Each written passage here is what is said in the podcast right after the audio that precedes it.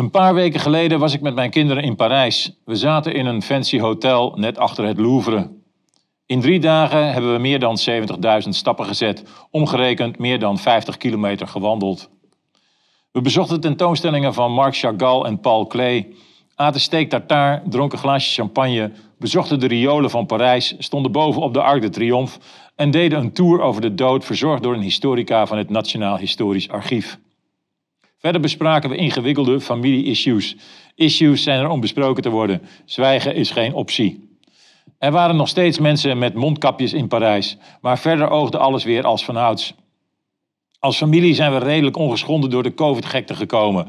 Niemand is failliet gegaan, niemand heeft een vaccin genomen. Er is geen tweespalt. Hoe het verder gaat, zien we wel. We houden het in de gaten. De familie is sterker dan ooit. Volgend jaar naar Istanbul of misschien wel Sint-Petersburg. Maar goed, wat, gaat het, wat gaan mijn kinderen, familieperikelen en privéreisjes u aan? Ik zit hier om u bij te praten over de gekte, vaccineren, de oorlog in Oekraïne, de plannetjes van de WHO, het CBDC Koningin Maxima geld, de klimaathysterie en de woke-waanzin. Waanzin om te lachen. De humor ligt meer en meer op straat dan ooit tevoren. En Bie en Jiske Vet zijn overbodig. Net als ik dit heb opgeschreven, lees ik dat Wim de Bie is overleden. Legendarisch is de Bie als Frank van Putten, die nog bij zijn moeder woont, of als Tetje van S van Jacobsen en van S.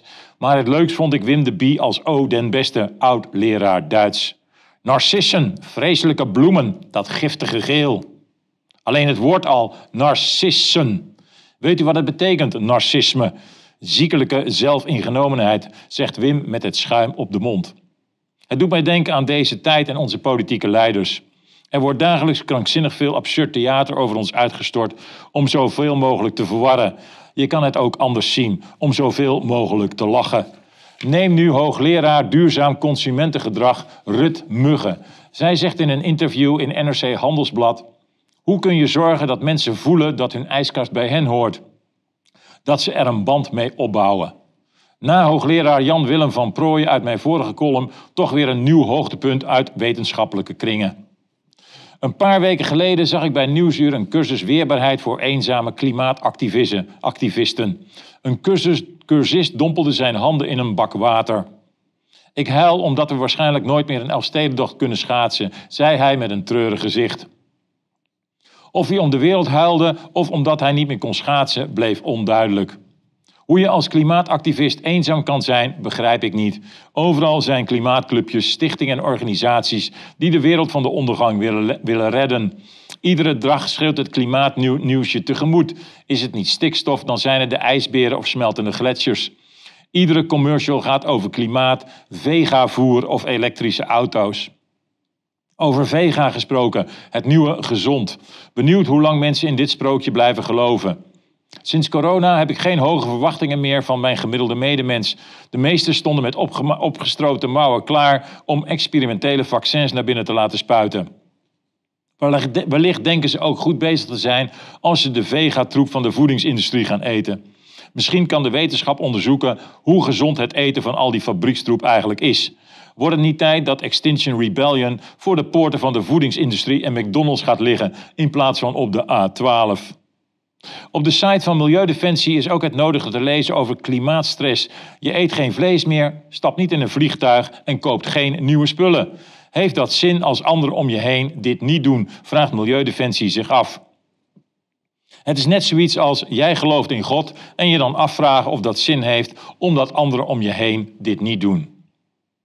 In het kader van het klimaat moet ik altijd denken aan een van mijn laatste wapenfeiten voor de VPRO Radio. Het zou ergens rond 2019 zijn geweest. Chef Herman aan de lijn. Hey Ad, we zijn bezig met een reportage over klimaatvluchtelingen, maar het verhaal wil maar niet vlotten. Jij bent goed in moeilijke reportages. Kan jij ermee aan de slag? Werk is werk. Mijn schoorsteen moet ook roken, al had ik er niet veel zin in. De klimaatgekte komt mij sinds de jaren 70 al de strot uit toen de nieuwe ijstijd wordt voorspeld en ik voor niets lange onderbroeken en dikke mutsen had aangeschaft. Ken je die mop van die ijstijd? Die kwam niet. Wat bedoel je precies? vroeg ik aan chef Herman. Iemand die vlucht voor een rivier die is overstroomd of wiens huis is weggewaaid? Nee, nee, zei Herman. Het gaat om grote klimatologische veranderingen die grote stromen vluchtelingen naar Nederland hebben gebracht. Oké, zei ik en hing op. Ik ging langs vluchtelingencentra op zoek naar klimaatvluchtelingen, eindeloos bellen met vluchtelingenwerk. Nee, helaas, aan dit soort vluchtelingen kunnen wij u niet helpen, was het antwoord. Chef Herman was teleurgesteld. De klimaatalarmisten, of beter grote multinationals in combinatie met overheden, hebben de agenda van de geitenwolle sokte-activisten voor een schoner milieu gekaapt. Het zijn alarmisten geworden, vergelijkbaar met de oorlogsalarmisten. In de modellen van de Amerikaanse politicoloog Samuel Huntington is te zien hoe dit werkt. Legerofficieren hebben een bepaalde Weltanschauung. Een onderdeel daarvan is de military mind. Officieren hebben een negatief mensbeeld. Er zullen altijd conflicten zijn tussen samenlevingen en culturen, is hun theorie. Er moet dus altijd een goed leger zijn om de vijand tegemoet te treden. Onderdeel van die mindset is het alarmisme. Altijd wijzen op dreiging om zoveel mogelijk wapens te verkopen. Je zag het tijdens de Koude Oorlog en je ziet het ook nu weer. Poetin is het grote gevaar. Bij de klimaatactivisten is het alarmisme CO2 en de stijgende zeespiegel, of erger de ondergang van de planeet. Zwakke politici zijn gezwicht voor deze alarmistische propaganda. Goede zorgen voor een beter milieu is vervangen door angst voor het klimaat. En net als bij COVID, angst voor een onzichtbare vijand, CO2. Angst verkoopt. Tjeerd de Groot van D66 wil na de koeien ook de honden en katten verbieden. Persoonlijk denk ik dat Sheert een infiltrant is van Forum voor Democratie om D66 om zeep te helpen met dit soort idiote voorstellen. Op naar de nul zetels. Kom niet aan de honden en katten in dit land. Alle waanzin op een stokje. Imaginaire problemen bedreigen ons bestaan, net als bij het virus. Onze vrijheden moeten we inleveren en we moeten er vooral voor gaan betalen. Zelf ben ik een groot voorstander voor het verbeteren van het milieu. Daar is enorme winst te halen. Maar milieu verbeteren kost geld in tegenstelling tot de klimaathysterie. Dat levert geld op aan grote multinationals en overheden. De burger gaan belasten met CO2-tax, vleestaks en vliegtax en hun vrijheden ontnemen. De vrijheid om je te verplaatsen, de vrijheid om te eten wat je wil. We moeten weer het nieuwe verdienmodel worden van de elites. We moeten het op schulden en speculeren gebaseerde systeem weer gaan betalen. Alles is een verdienmodel voor het groot kapitaal. Covid voor pharma en big tech, de oorlog in Oekraïne voor de wapenindustrie. De klimaathysterie en de daar gekoppelde klimaatbeleid is de grootste overdracht van kapitaal van de middenklasse naar de elites, overheden en het bedrijfsleven. Dit beleid, beleid kan straks alleen maar uitgevoerd worden onder dwang. De klimaathysterie werkt niet. Alleen angstige klimaatwappies zijn bang voor de stijgende zeespiegel. Ken je die mop van die stijgende zeespiegel? Die steeg niet. Elites over de hele wereld kopen landhuizen met uitzicht op zee. Ze lachen ons keihard uit. Haal je geld weg, haal je geld weg, schreeuwde de media in Amerika naar aanleiding van het instorten van Silicon Valley Bank. Niets is wat het lijkt. We leven immers in een omgekeerde werkelijkheid. Alles wat overheden niet willen, blijft uit de media. Denk aan vaccinschade, de vraag wie Nord Stream opblies en de rellen in Frankrijk.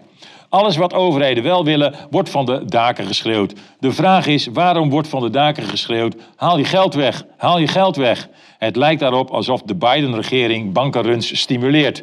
Moeten de kleine banken kapot en de macht komen te liggen bij grote banken, zodat de bevolking straks makkelijker in een digitale munt te duwen is? Is er een gecontroleerde, langzame ineenstorting van het banksysteem gaande? Het lijkt erop. Uw columnist houdt het in de gaten. Overheden voeren bewust misleidende campagnes. Mensen worden bang gemaakt met voorbedachte raden om een agenda uit te rollen. We moeten in een permanente crisis blijven. Covid, oorlog, klimaat, migratie. Dat is geen wappie-wartaal, maar is inmiddels blootgelegd via WOP-documenten. De lockdowns, maskertjes, schoolsluitingen en vaccinaties hadden niets met de volksgezondheid of wetenschap te maken. Het was en is allemaal politiek en één grote leugen. Maar er gebeurt niets. De meeste mensen kunnen de grootste leugen aller tijden niet onder ogen zien. Het lijkt alsof ze verdoofd zijn om de waarheid aan te horen. Op 15 maart ging ik stemmen. Goedemorgen deze morgen, riep ik monter, blij dat ik weer maar binnen mag. Riep ik met luide stem erachteraan. Iedereen kijkt mij verbaasd aan. Hoe bedoelt u? vroeg de mevrouw die mij het stemformulier gaf. Ik mocht twee jaar geleden niet naar binnen, zei ik. Ze keek mij vragend aan. Ik droeg geen mondkapje. Het werd doodstil in het stemlokaal. Mensen keken mij schaapachtig aan. Ik pakte het formulier, deed mijn burgerplicht en wenste iedereen een fijne dag. Mensen zijn misleid, geïndoctrineerd door de grootste reclamecampagne ooit. Mensen zijn bang gemaakt met voorbedachte raden. Twijfel over vaccinatie was moreel verwerpelijk. Dan was je een complotdenker, een rechtsextremist. In een park met je familie picknicken was levensgevaarlijk. Ik zie Fred Grapperhaus nog door het Vondelpark fietsen en mensen vermanend toespreken. Waarom heeft Fert nog geen verantwoording afgelegd voor zijn absurde terreur? Net als Hugo de kinderen heeft wijsgemaakt dat ze opa en oma zouden vermoorden als ze bij hen op bezoek gingen. Waarom heeft Hugo nog geen enkele verantwoording afgelegd? Omdat het systeem, het systeem nog de hand boven het hoofd houdt. We moeten afstand houden, we moesten afstand houden, klappen voor de zorg, mondmaskers op en onze bedrijven sluiten. Misdadige vormen van isolement werden met voorbedachte raden ontworpen om mensen bang te maken en zich in te laten spuiten met troep van de farma-industrie. Waarom hebben al deze meelopers nog geen verantwoording afgelegd? Deze artsen, de mediamensen, de agenten die boetes uitschreven, de rechters die het allemaal maar goed vonden. Je mocht je kleinkinderen niet knuffelen. Mensen zijn eenzaam doodgegaan, allemaal uit naam voor een strijd tegen een onzichtbaar door de overheid verzonnen vijand. Mijn demente moeder van 95 is vier maanden eenzaam opgesloten. Vaccinatieschade wordt nog steeds niet onderzocht. We hebben de krankzinnige en de ware aard van de macht gezien, maar de macht heeft er nog steeds geen verantwoording voor afgelegd. De macht is nog steeds de macht, al nemen steeds meer mensen de macht niet meer serieus. Het is duidelijk geworden dat de macht een lage kwaliteit van denken heeft. Mijn vader zei vroeger altijd in de auto tegen mij: Ooit ga je begrijpen met hoe weinig wijsheid de wereld wordt geregeerd. De lockdown-files in Engeland maken veel duidelijk. Politici zijn, laten we het vriendelijk zeggen, niet allemaal even slim. Ik vraag, vaak, ik vraag vaak aan kinderen wat ze later willen worden. Voetballer, piloot, verpleegster, arts, brandweerman, advocaat en tegenwoordig influencer of vlogger. Nog nooit heeft een kind tegen mij gezegd: Ik wil politicus worden. Het zegt veel. Als je het niet meer weet, ga je de politiek in. In de appgesprekken van politici wordt duidelijk dat er geen diepgravende discussies waren tussen ministers. Ze deelden krantenartikelen en uitspraken op sociale media. De lockdown-files leggen een giftige cultuur bloot. Iedereen die lastige vragen stelde, werd geliquideerd. De reactie op deze misdaad is misschien nog wel erger. Het publiek is mur. Veel mensen zijn afgestompt.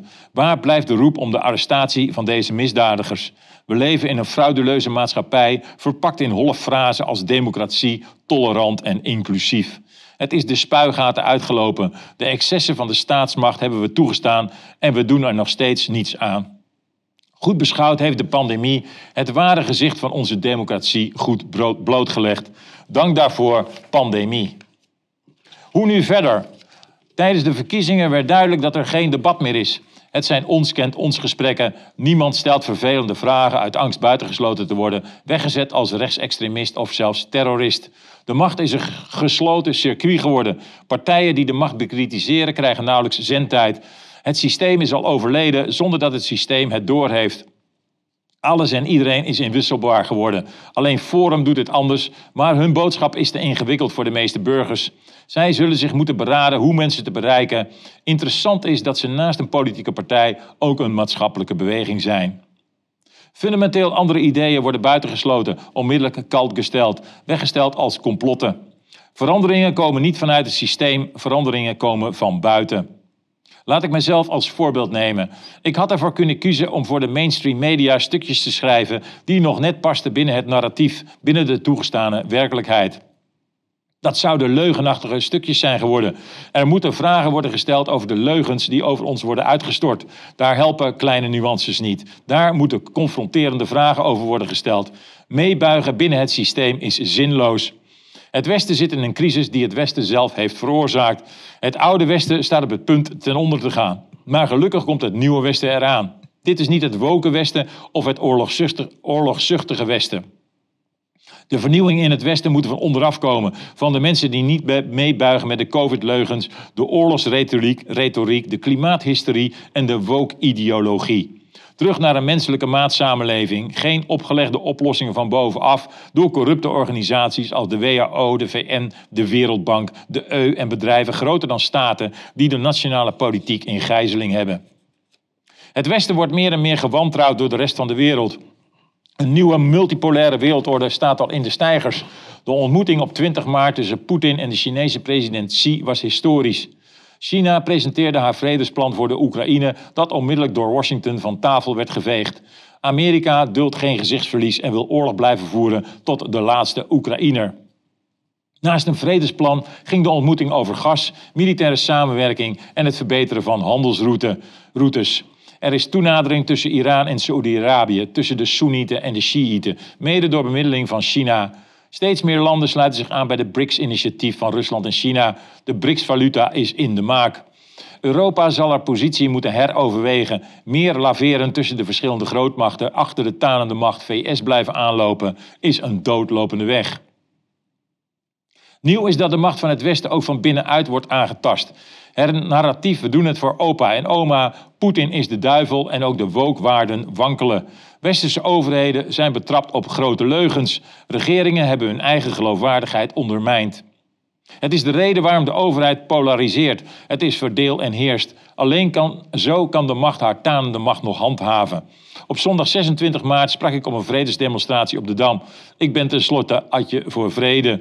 Maar als je je uitspreekt voor vrede, ben je een rechtsextremist en word je geridiculiseerd.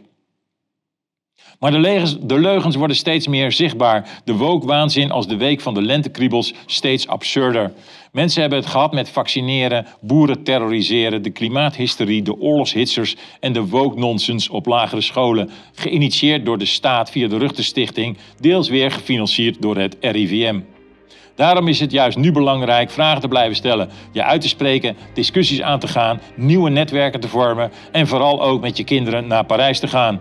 Steek tijd en energie in de mooie kleine dingen van het bestaan. Steek tijd in je familie, in nieuwe vriendschappen en netwerken en laat je niet tegen elkaar uitspelen. Wie het kleine niet eert, is het grote niet weert.